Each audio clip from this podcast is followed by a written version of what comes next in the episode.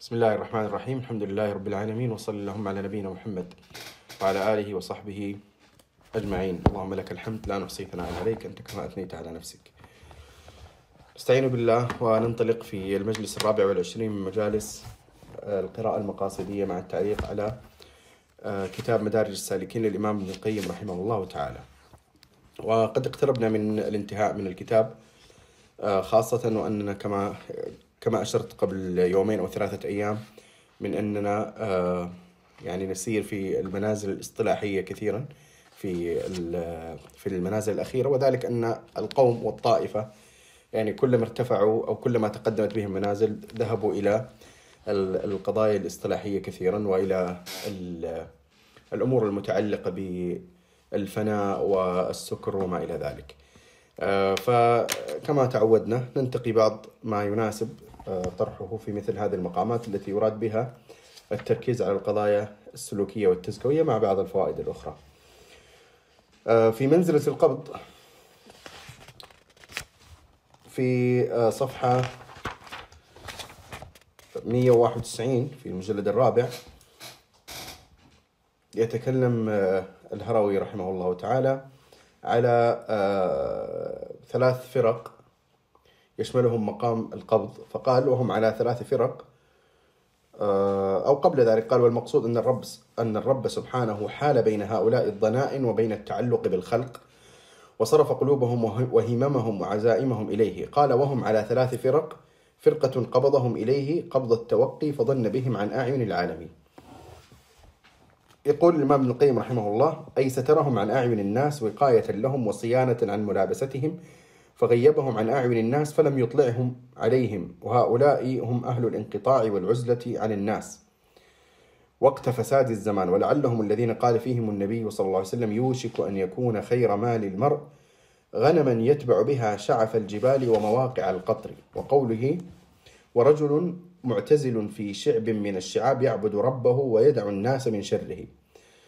قال الإمام ابن القيم وهذه الحال تحمد في بعض الأماكن والأوقات دون بعض وإلا فالمؤمن الذي يخالط الناس ويصبر على أذاهم أفضل من هؤلاء فالعزلة في وقت تجب فيه و فالعزلة في وقت تجب فيه ووقت تستحب فيه ووقت تباح فيه ووقت تكره فيه ووقت تحرم فيه. ويجوز أن يكون قبض التوفي بالفاء أجسادهم إلى آخره. الفرقة الثانية قال الهروي عنها وفرقة قبضهم بسترهم في لباس التلبيس وأسبل عليهم أكلة الرسوم فأخفاهم عن عيون العالم. قال الإمام ابن القيم رحمه الله هذه الفرقة هم مع الناس مخالطون والناس يرون ظواهرهم وقد ستر الله حقائقهم وأحوالهم عن رؤية الخلق لها. فحالهم ملتبس على الناس لا يعرفونه. فإذا رأوا منهم ما يرون من أبناء الدنيا من الأكل والشرب واللباس والنكاح وطلاقة الوجه وحسن العشرة قالوا هؤلاء من أبناء الدنيا. وإذا رأوا ذلك الجد والهمم والصبر والصدق وحلاوة المعرفة والإيمان والذكر وشاهدوا منهم أمورا ليست من أمور أبناء الدنيا قالوا هؤلاء من أبناء الآخرة.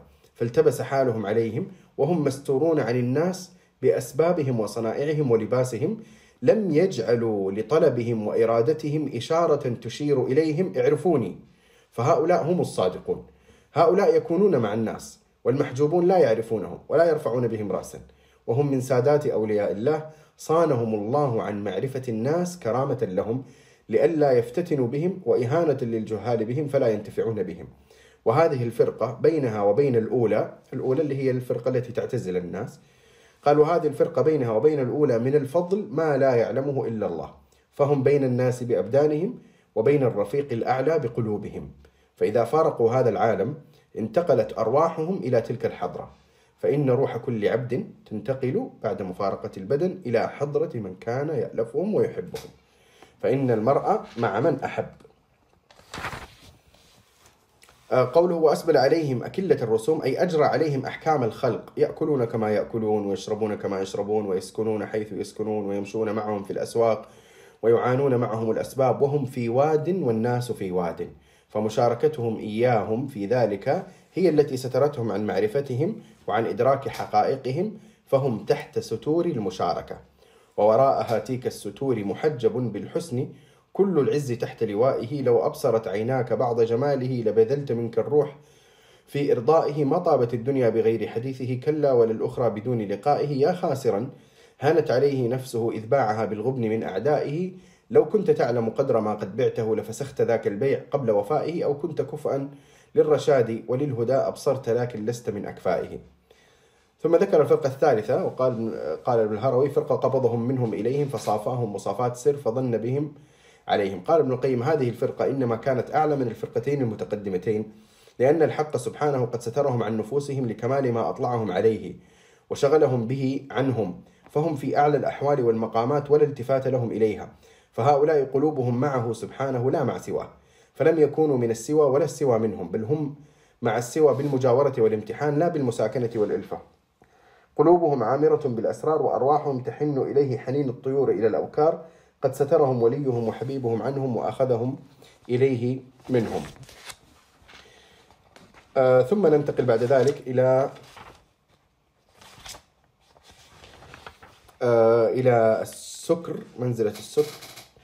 طبعا هو آه ذكر الإمام ابن القيم أنه هذا هذا اللفظ ليس صحيحا أنه يستعمل في مقامات العبودية. فقال في أول صفحة من المنزلة قال وهذا المعنى لم يعبر عنه في القرآن ولا في السنة ولا العارفون من السلف بالسكر آه، أصلا وإنما ذلك من اصطلاح المتأخرين وهو بئس الاصطلاح. فإن لفظ السكر والمسكر من الألفاظ المذمومة شرعا وعقلا وعامة ما يستعمل في السكر المذموم الذي يمقته الله ورسوله. قال الله تعالى يا أيها الذين آمنوا لا تقربوا الصلاة وأنتم سكارى. ثم آه، قال في آخر الصفحة وأيضا فمن المعلوم أن هذه الحال أن هذا الحال يحصل في الجنة عند رؤية الرب تعالى وسماع كلامه على أتم الوجوه ولا يسمى سكرا. ونحن لا ننكر المعنى المشار إليه بهذا الاسم وإنما المنكر تسميته بهذا الاسم ولا سيما إذا انضاف إلى ذلك اسم الشراب أو تسمية المعارف بالخمر والواردات بالكؤوس. والله جل جلاله بالساقي فهذه الاستعارات والتسمية هي التي فتحت هذا الباب. ثم قال أخذ يذكر معاني يحصل بها آه، السكر أو غياب العقل عن الإنسان من غير شرب الخمر.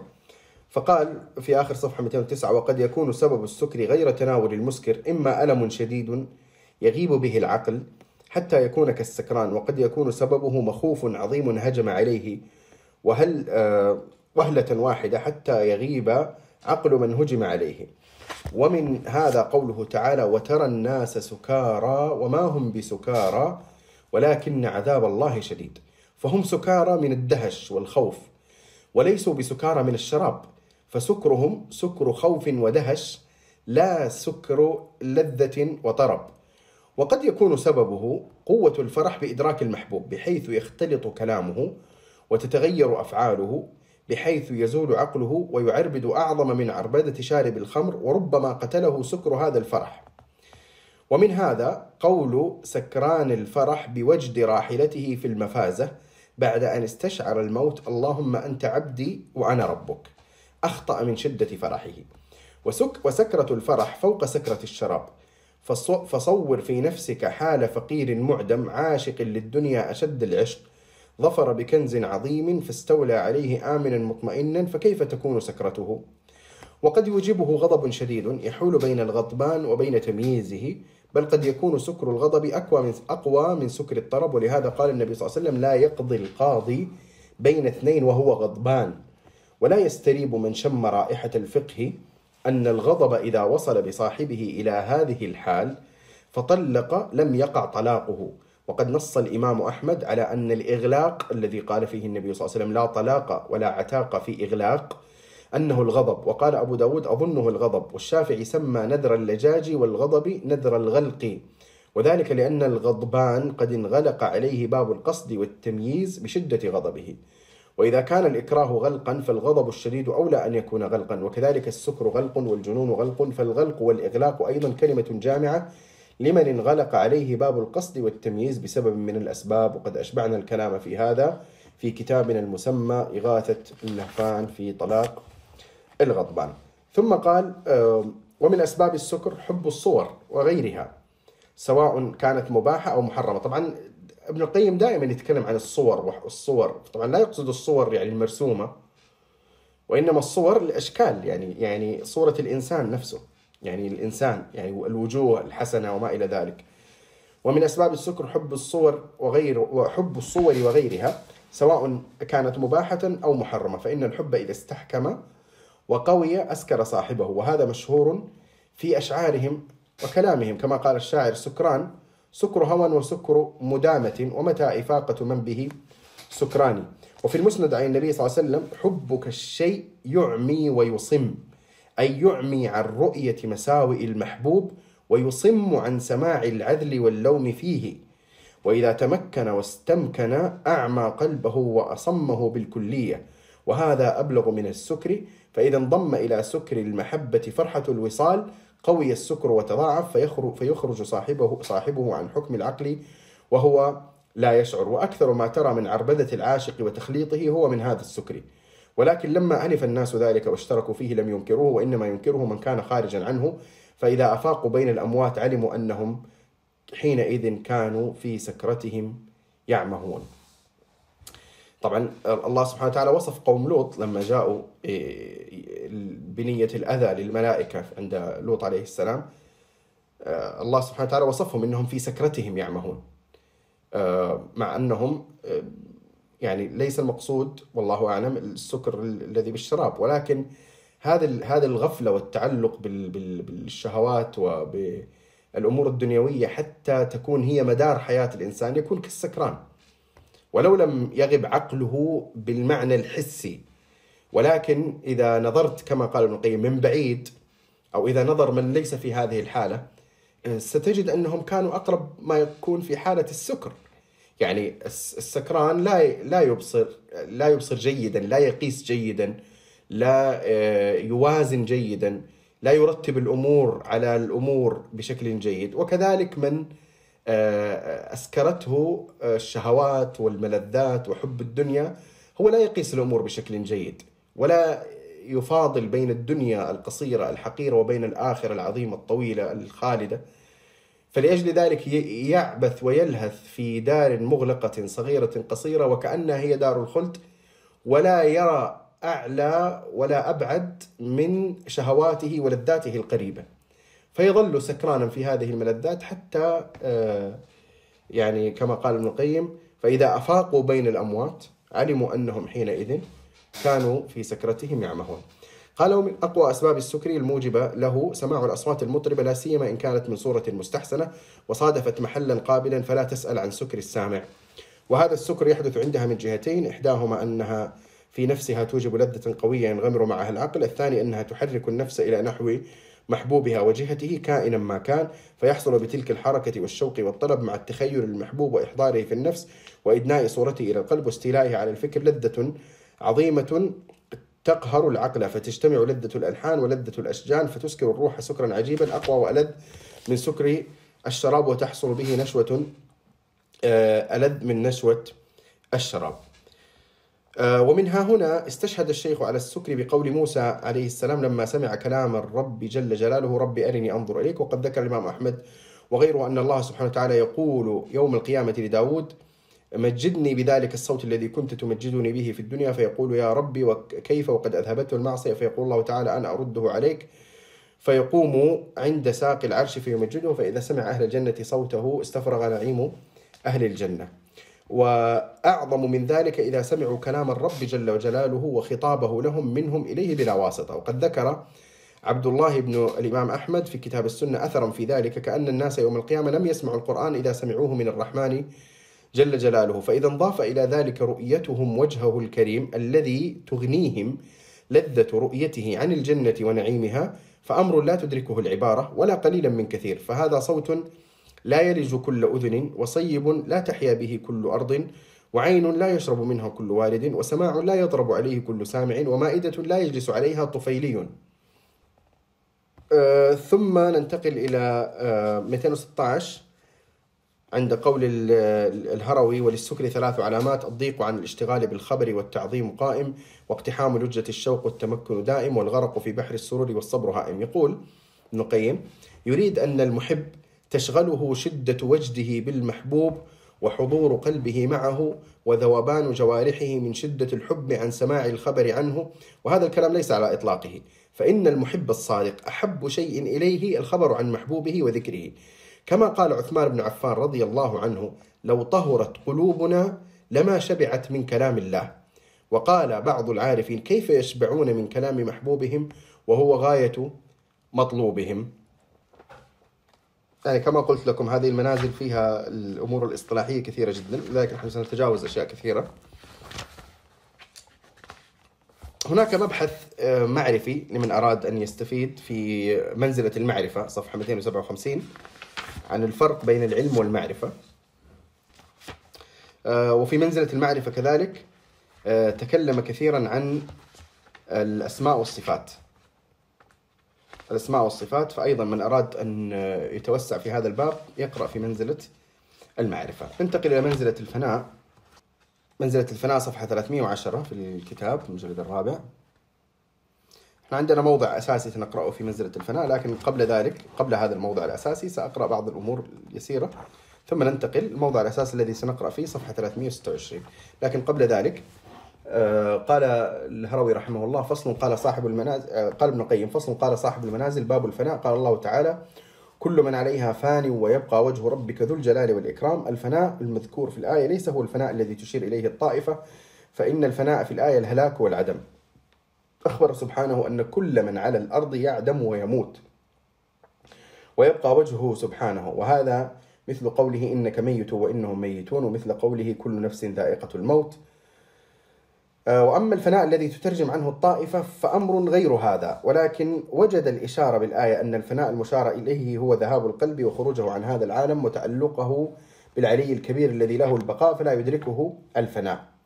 والفناء الذي يترجم عليه هو غاية التعلق ونهايته فإنه انقطاع عما سوى الرب تعالى من كل وجه انقطاع عما سوى الرب سبحانه وتعالى من كل وجه ولذلك قال الفناء في هذا البناء في هذا الباب اضمحلال ما دون الحق علما ثم جحدا ثم حقا. طيب إحنا أيضا مر معنا سابقا الكلام على الفناء والدرجات الثلاثة للفناء آه، فما يحتاج آه، نعيدها. آه، هو في صفحة 324 قال أول شيء لم يرد في الكتاب ولا في السنة ولا في كلام الصحابة والتابعين مدح لفظ الفناء ولا ذمه ولا استعملوا لفظه في هذا المعنى المشار إليه البتة ولا ذكره مشايخ الطريق المتقدمون ولا جعلوه غاية ولا مقاما وقد كان القوم أحق بكل كمال وأسبق إلى كل غاية محمودة. ونحن لا ننكر هذا اللفظ مطلقا ولا نقبله مطلقا ولا بد فيه من التفصيل. وبيان صحيحه من معلوله ووسيلته من غايته فنقول بالله التوفيق وهو الفتاح العليم. هذه الأسطر السبعة أو الستة على اختصارها ولكنها قضية منهجية في غاية الأهمية والخطورة. ألا وهي الموقف الصحيح من المصطلحات الحادثة المتعلقة بأمور شرعية. مصطلح الفناء يقول لك لم يرد في الكتاب ولا في السنة ولا في كلام الصحابة ولا التابعين ولا حتى عند مشايخ الطريق المتقدمين. وعند المشايخ الصوفية المتأخرين صار هذا اللفظ هو من الألفاظ الأساسية والكبرى وغاية المطلوب فيقول لك إيش الموقف من هذا اللفظ؟ هل ننكر هذا اللفظ لأنه لم يرد في الكتاب ولا في السنة ولا في كلام الصحابة؟ أو نقبله؟ هو يقول لك المو... لا نقبله ولا نرده، لا نقبله بإطلاق ولا نرده بإطلاق. وإنما نفصل. وإنما نفصل، وهذه الطريقة هي الطريقة التي آه، يعني هي الطريقة المنهجية في التعامل مع المصطلحات. المصطلح إن كان يحمل معاني حق فلا نرده مطلقا. وأيضا إذا كان يحمل معاني باطلة فلا نقبله مطلقا. فالمنهجية في التعامل مع المصطلحات الحادثة هي دائما التفصيل. فيقال إن أردت بالفناء مثلا هذا المقام وهذا المقام فنعم وإن أردت به هذا فلا. وقل مثل ذلك في أي مصطلحات موجودة اليوم ومتداولة في في في التعبير عن بعض القضايا التي لها ارتباط شرعي. لا نقبلها آه، مطلقا ولا نردها مطلقا. وهذا له أمثلة وشواهد كثيرة على أي حال. الموضع الذي نريد قراءته في 326 قال رحمه الله تعالى اعلم أن القلب إذا خلا من الاهتمام بالدنيا والتعلق بما فيها من مال أو رياسة أو صورة وتعلق بالآخرة والاهتمام بها من تحصيل العدة والتأهب للقدوم على الله عز وجل فذلك أول فتوحه. فذلك أول فتوحه وتباشير فجره.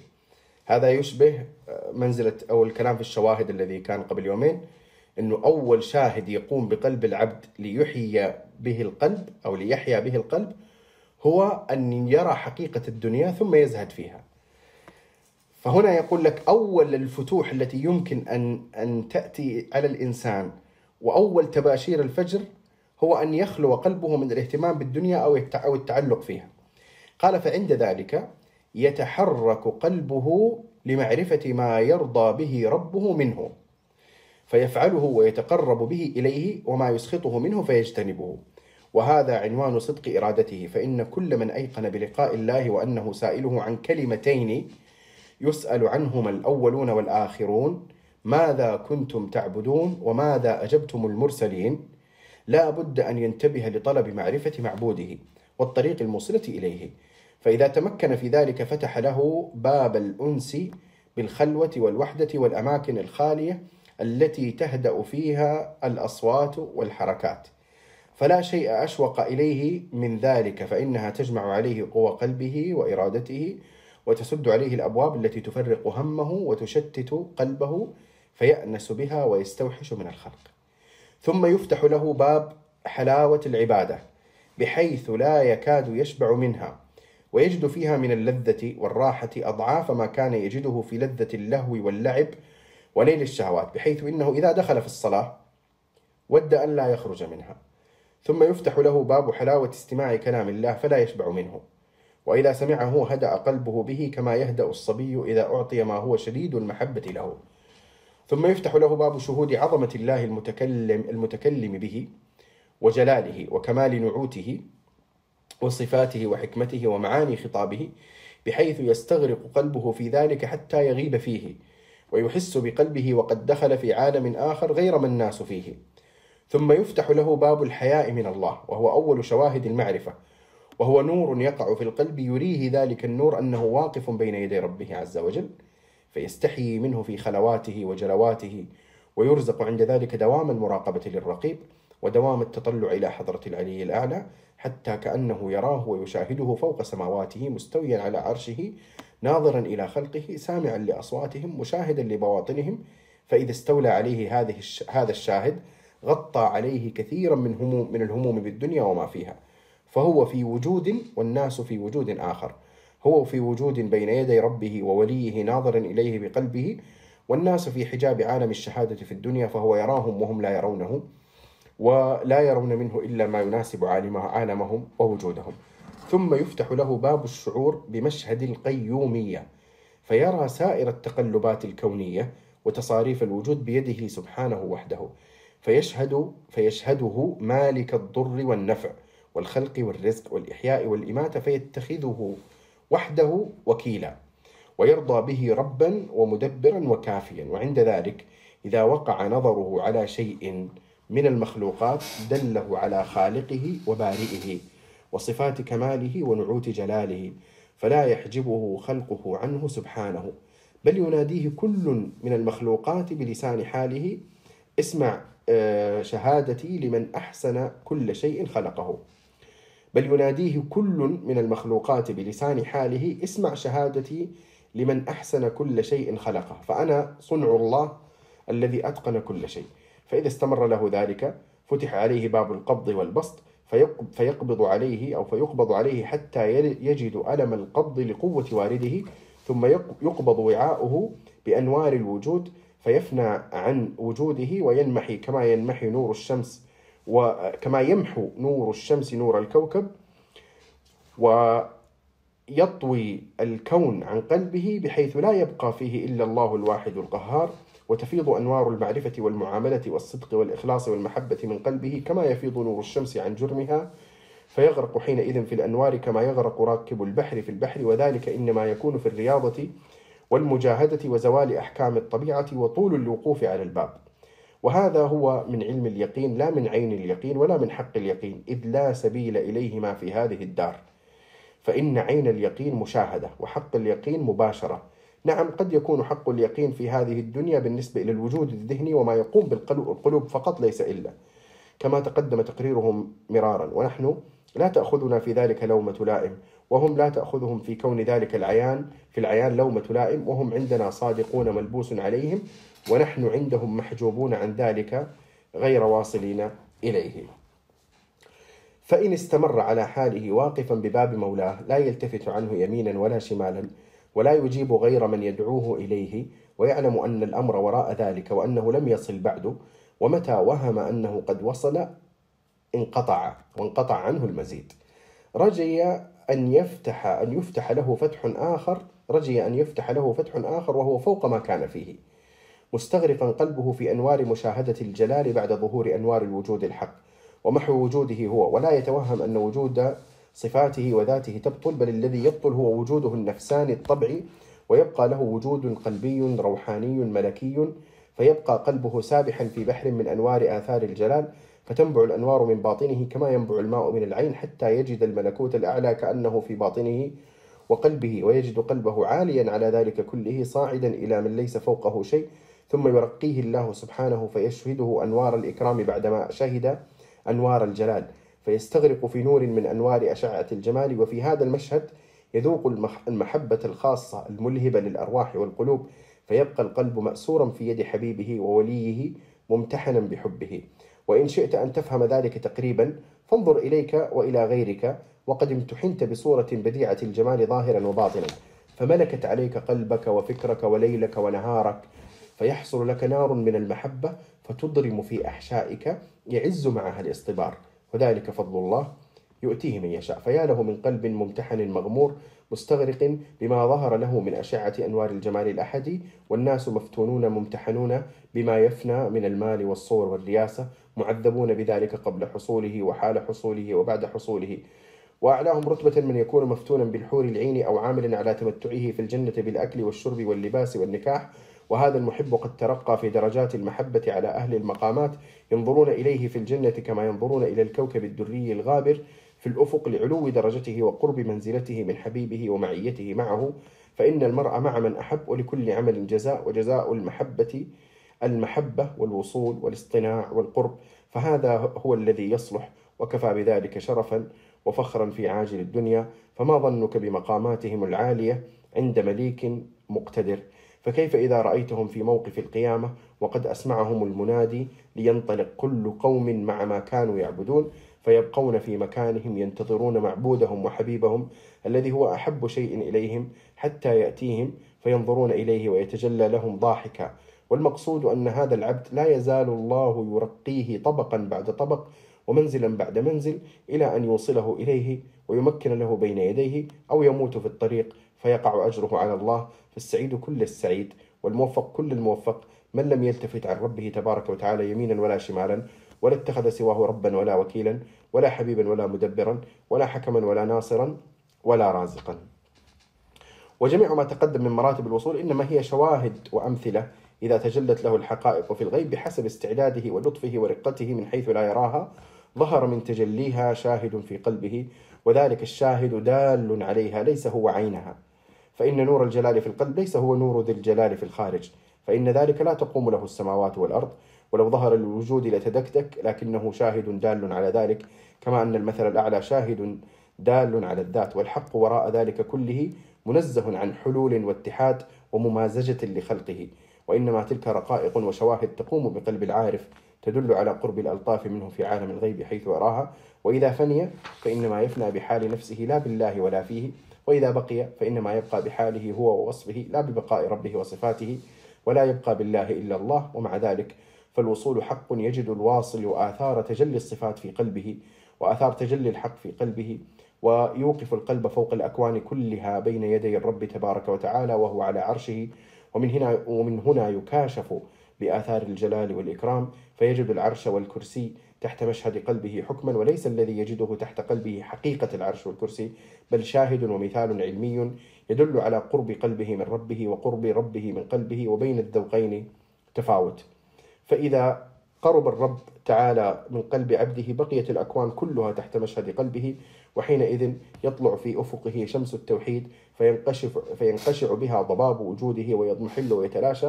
وذاته وحقيقته موجودة بائنة عن ربه وربه بائن عنه فحينئذ يغيب العبد عن نفسه ويفنى وفي الحقيقة هو باق غير فان ولكنه ليس في سره غير الله فقد فني فيه عن كل ما سواه. آه إلى آخر الكلام ونكتفي بهذا القدر وصلى اللهم على نبينا محمد وعلى آله وصحبه أجمعين.